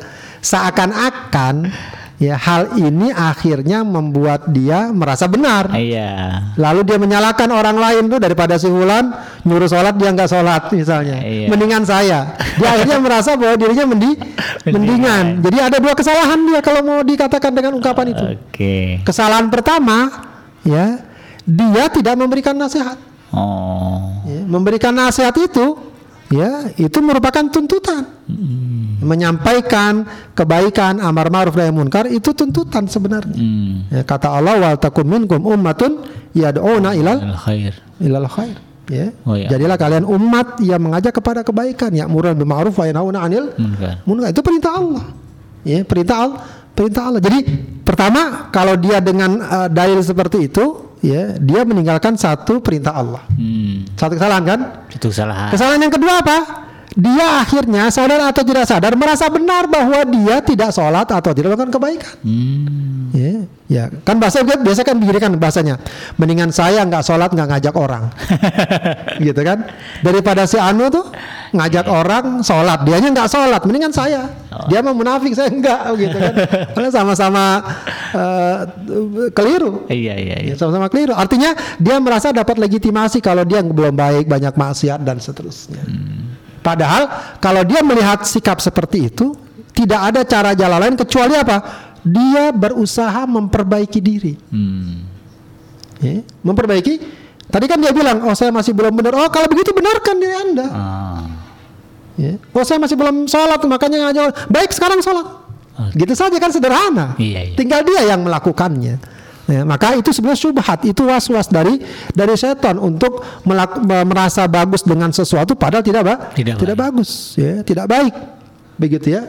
Nah, ketika kita ngajak orang kebaikan, menyampaikan, ayo kita ngaji segala, mungkin saja suatu kali kita tergelincir. Hmm. Manusiawi khilaf. Iya. Kita melakukan sesuatu yang mungkin maksiat atau melakukan sesuatu yang selama ini kita larang Hmm. atau meninggalkan sesuatu yang selama ini kita ingatkan orang jangan ditinggalkan. Iya. Namanya manusiawi, khilaf, ya, dosa dan lain sebagainya. Nah, ketika terjadi, segera kita kembali taubat pada Allah, istighfar. Tapi jangan kemudian, wah kalau gitu udah saya nggak berdakwah lagi, ntar saya eh, apa namanya me- melanggar lagi, tergelincir lagi tidak. Dakwah tetap teruskan. Menasihati terus, tetap terus, Teruskan. teruskan. Yang tadi tergelincir, segera perbaiki, perbaiki. Jadi jangan sudah tergelincir, kita terus kemudian menasihati juga nggak nggak jalan. Dua-dua lagi kita melakukan kesalah, Salah. kesalahan. Jadi eh, kalau ada ungkapan bahwa saya belum bisa menasihati orang karena saya tidak benar, Iya, tidak baik. itu adalah sebenarnya bisikan setan. ya. Iya, iya. Ya memang kalau ada orang benar-benar sadar seperti itu, Iya. dia ngajak orang sana, tapi dia sadar nggak sholat nggak apa, ya memang nggak benar, Iya. Tidak ben, Tidak benar. tidak benar. Ya, kita nggak pernah dan Allah jelas sangat marah kabur maktan indallah Iya, antakulu malah Tafal. tafalun. Ya, itu jelas. Ya, tapi jangan jadi alasan bagi kita untuk merasa benar kalau kita kemudian tidak memberikan nasihat dengan alasan kita pun masih belum benar. Iya. Ya, perbaiki diri Anda lalu ajak orang lain. Oh. Begitu ya. Itu satu hal yang harusnya kita sikapi. Wallahu a'lam. Baik, eh, jadi dipahami ya untuk penanya tadi. Jadi jangan terjebak kepada perasaan eh, apa namanya kurang baik, tidak soleh, tetapi justru harus fokus kepada bagaimana memperbaiki diri sehingga kemudian dari sana ya ada keberanian untuk memberikan nasihat kepada eh, rekan-rekan kita atau mungkin orang-orang yang ada di sekitar kita. Itulah ya semangat seorang muslim. Saya ulangi bagi Anda sahabat Edwin Berido yang ingin melayangkan pertanyaan kepada Ustadz terkait dengan tema kita pada hari ini, Anda bisa menyampaikan melalui pesan singkat WA di 0822 91044 maaf di 0822 988 ya 1044 Uh, akan saya bacakan dan akan saya sampaikan kepada Ustadz. Kemudian bagi Anda yang uh, menyaksikan kita melalui channel YouTube ya di iDream TV, Anda bisa mengetik langsung ya kalau memang tidak sempat mengirim WA uh, ke di kolom komentar ya. Jadi insya Allah juga akan saya bacakan. Baik Ustadz, masih ada pertanyaan. Uh, kita lanjutkan. Assalamualaikum Ustadz, saya ingin bertanya. Uh, ini terkait dengan uh, nas apa? Mencela ya, mencela uh, sesama kaum muslimin. Nah, bagaimana kalau uh, ada seseorang yang memiliki aib dan aib itu menyusahkan orang lain, apakah kita tidak boleh memberitahukan kepada orang lain aib tersebut dalam rangka mencegah seseorang terkena atau terjebak kejahatannya. Terima kasih Ustaz. Ya, eh, ini memang eh, cukup eh, apa namanya? cukup lugas juga dibahas oleh Al Imam An Nawawi ya, Iya. ketika eh, dalam kitab Riyadhus Shalihin juga disebutkan terkait dengan masalah ghibah ketika eh, beliau mencantumkan bab tentang ghibah ya, mencantumkan ghibah, hadis iya. tentang ghibah. Iya. Yaitu me- me- membicarakan keburukan orang lain Iya. ya. Nah, beliau sebutkan eh, ya ghibah secara umum tidak boleh. Oke. Tapi ada beberapa ghibah yang dibolehkan. Oh iya. Ya, ghibah yang diboleh dibolehkan. Misalnya orang pengen minta fatwa Oke. Kepada ulama terkait misalnya katakan tentang perilaku suaminya begini begini begini. Heeh. Nah, lalu dia sampaikan perilakunya. Harus jelas ya. Tujuannya untuk minta fatwa. Hmm. Begitu ya. Boleh nggak? Boleh kalau kayak gitu. Kalau tujuannya untuk eh, minta fat Fatwa. minta fatwa, begitu ya. Atau juga kalau misalnya ada orang yang terang-terangan melakukan kemaksiatan dan ngajak orang. Hmm. Dia ada orang maksiat tapi malu kan? Iya iya. Sembunyi-sembunyi orang nggak dia nggak pengen orang tahu. Hmm. Nah itu nggak boleh memang dibuka. Tapi ada orang terang-terangan ditampilkan di televisi segala macam. Iya. Nah, itu boleh kayak gitu kita sudah jangan kayak si fulan melakukan ini dan itu. Jadi dia karena apa? Karena dia terang-terang Terang. sudah terang-terangan yang dapat mempengaruhi orang lah Lain. orang lain. Nah, itu bukan riba. Tujuannya apa? Agar menjadi pelajaran bagi orang lain untuk tidak ikut seperti ini. Hmm. Termasuk juga babnya kalau orang itu memang membahayakan, Hmm, jahat gitu saja. jahat. Tapi memang ini harus betul-betul eh, detail ya. Dalam arti bukan cuma isu. Hmm, sudah punya korban. Bagi dia sudah ada buktinya. Ah, Kalau cuma isu-isu aja itu hati-hati. Jangan sampai nanti masuk gibah juga kita. hmm, Tapi kalau jelas banyak korban, oh sama dia jangan deh.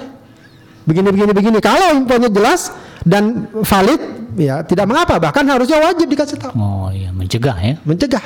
Ya. Atau memang ada kepentingan, ya kepentingan orang butuh info. Ini biasanya dalam bab anu, dalam bab atau apa namanya eh, lamaran. Hmm. Ya. Dalam bab orang ingin mencari atau pengen tahu calon istri atau calon suaminya. Oh iya iya iya. calon istri dan eh, calon eh, suaminya. Iya, cacat nggak Ada cacat, orang ya. tanya sama kita, si Fulan gimana? Oke. Gitu ya. Ya kita jangan bilang, oh dia bagus bagus ya. Kalau kita nggak tahu dia nggak baik, jangan dibilang bagus. Oh, bilang Ka- Kasih, kasih tahu aja. Oh, dia ini orangnya sebenarnya pelit misalnya. Ah. Kalau kita tahu ya, Iya, iya, iya. bukan cuma pengen ngomongin. Ah, Ya kasih tahu, begitu ya. Kalau memang tujuannya, karena Rasulullah pernah seperti itu juga. Ya. Apa bukan memata-matai Ustaz ya? Bukan, tapi sepanjang yang kita tahu saja Ah. dan kita tahu dan kita pasti tahu tahunya, bukan sekedar kira-kira dugaan dan seterusnya. Ya, bukan subjektif ya. Iya. Tapi kalau subjektif, oh dia pelit, padahal tuh nggak pelit, cuma uh, dia Perhitungan, perhitungan. uh, hemat misalnya. Hemat, bukan iya. pelit, jangan artikan itu gitu ya. Pelit itu misalnya dia nggak mau ngasih nafkah buat Iya. uh, orang tuanya atau siapa yang harusnya wajib dia nafkahi dan seterusnya gitu. Nah itu boleh kita kasih tahu tujuannya semata untuk uh, ngasih tahu saja, bukan untuk tujuan-tujuan pengen ngomongin keburukan Hmm. Iya. uh, keburukannya begitu. Walaupun buruk Ustaz ya. Walaupun buruk, walaupun buruk. Iya. Kadang-kadang kan eh, itu tadi seperti misalnya eh, perempuan ingin cari suami yang baik begitu kan. Ya. Sama sekarang kan gitu Ustaz. Jadi kadang-kadang ya apalagi anak sekarang lah ya kita tidak bisa generalisasi begitu karena perbuatan zina sudah merebak begitu. Hmm. Jadi kalau kita ingin tahu ini si laki-laki ini nih dia pernah berzina nggak? Itu boleh nggak Ustaz?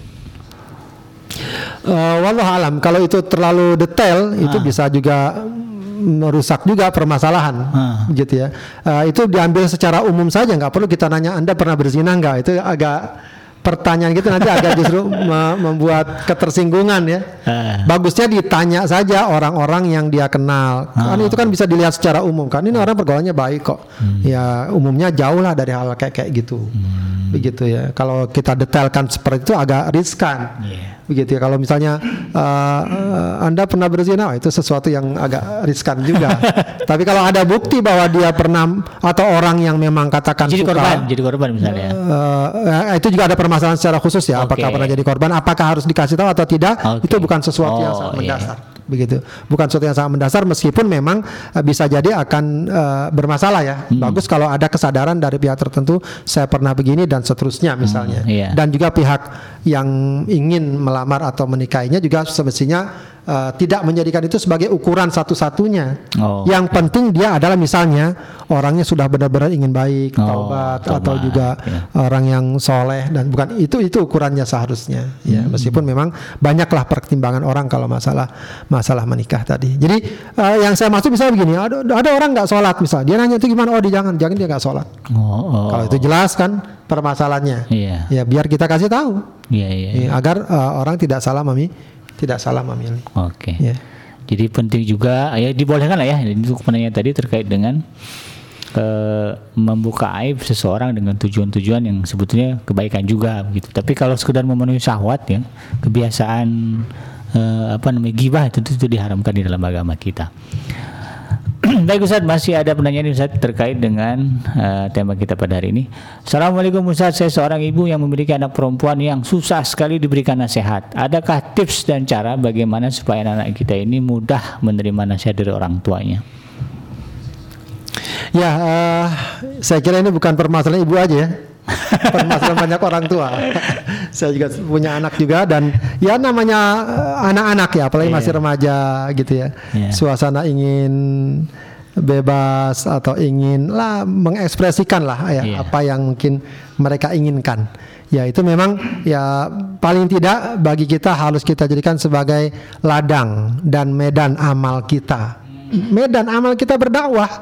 Jadi itu dakwah juga. Tiap hari kan kita berdakwah. Jadi kita bisa berdakwah tiap hari. Ya, tiap hari kita bangunin anak ayo sholat subuh, Iya. ayo sholat zuhur sholat. Itu dakwah sebenarnya. Dan ingat itu tidak sia-sia, tidak sia-sia. tidak sia-sia. Ya, tidak sia-sia. Makanya Allah katakan wa'mur ahlaka bis salati wastabir 'alaiha. Hmm, Ya. minta sabar. Perintahkan uh, keluarga untuk sholat dan sabar di atasnya. Hmm. Ya, baik sabar dalam menyampaikan atau sabar melaksanakan ibadah ibadahnya. Hmm. Ya, jadi eh, apa namanya? eh, intinya adalah tentu sabar. Hmm. Jangan pernah mutung. Udahlah saya udah nggak mau nasihatin lagi. Udah tiap hari nasihatin bosen. Hmm. Nasihatin terus. Ya, walaupun mungkin nggak harus tiap hari tapi berkala. Ingat kok kamu masih begini. Kok kamu masih begini. Ingetin lagi. Terus ingetin lagi. Ya anak-anak itu butuh apa namanya ungkapan-ungkapan yang berulang-ulang untuk dia deng untuk dia dengar. Meskipun juga tentu saja tidak cukup hanya itu. Ya, tidak cukup hanya hanya itu sama sebagaimana tadi anak sama orang tua. Iya. Orang tua sama anak juga harusnya begitu. Oke. Ya, upayakan ada pendekatan-pendekatan yang paling utama adalah kedekatan. Hmm, iya iya. Kedekatan orang tua dengan Anak. anak sama juga sebagaimana anak kalau dekat sama orang tua, orang tua akan mudah menerima. Ya, anak juga begitu. Kalau orang tua dekat sama anak, Hmm. ya insya Allah lebih mudah diterima. Hmm. Ya, tapi kalau yang ada adalah orang tua selama ini sangat jauh, sangat sibuk dengan urusannya saja, hanya sekedar memenuhi kebutuhan-kebutuhan uh, fisiknya saja, sementara mereka butuh kasih sayang, perhatian dan lain sebagainya, biasanya sulit untuk menerima. Tapi ketika orang tua dekat selama ini uh, peduli, kasih sayang dan seterusnya, walau memang tidak dijamin serta merta dia akan nurut, tapi paling tidak ada semacam perhatian dari sang anak karena ya dia cukup dekat dengan orang tuanya. Jadi eh, paling tidak anak itu akan tahu kalau saya begini orang tua saya pasti nggak suka, Hmm. pasti sedih. Iya iya. Kalau dekat sama orang tua, saya kira dia nggak akan berani melakukan hal-hal yang sekiranya akan membuat orang tua sangat menderita dan sangat sedih. Betul. Ya, dia udah kepikiran, aduh bagaimana ntar orang tua saya kalau saya begini.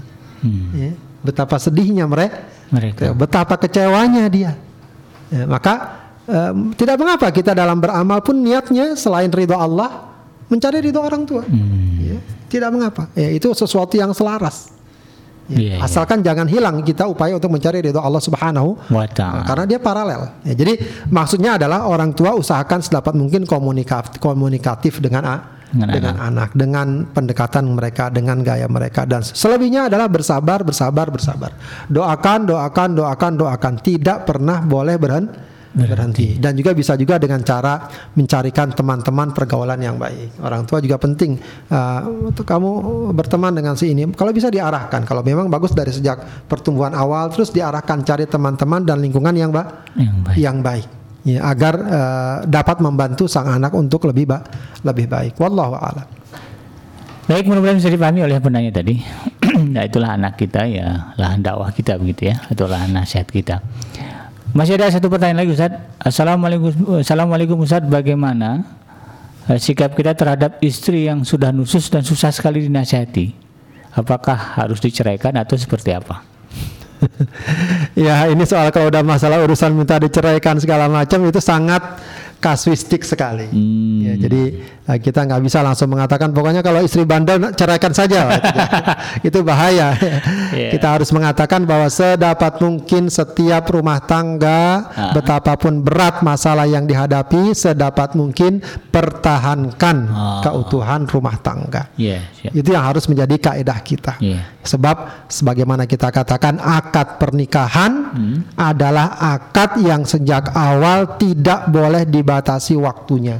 Oh, iya. Itu maknanya apa? Sejak awal kita harus sudah komitmen dan niat ya bahwa akad ini harus kita pegang sampai mati. Masya Allah. Itu seharusnya pemahamannya. Iya, iya. Bukan berarti nggak boleh bercerai. Bercerai memang ada exitnya. Iya. Ya, ada sebagai sebuah exit yang darurat sifatnya. Iya, iya. Karenanya setiap permasalahan jangan sampai menjadikan perceraian sebagai solusi awal. Oke. Eh, dia baru mungkin diambil setelah sekian banyak langkah dan upaya tidak mungkin ditempuh lagi. Hmm. Begitu ya. Jadi kalau menghadapi istri yang mungkin melawan dan lain sebagainya, cari cara apa yang dapat dia lakukan Oke. untuk menjaga keutuhan rumah tangga atau untuk menjadikan istrinya lebih ba- Baik. lebih baik.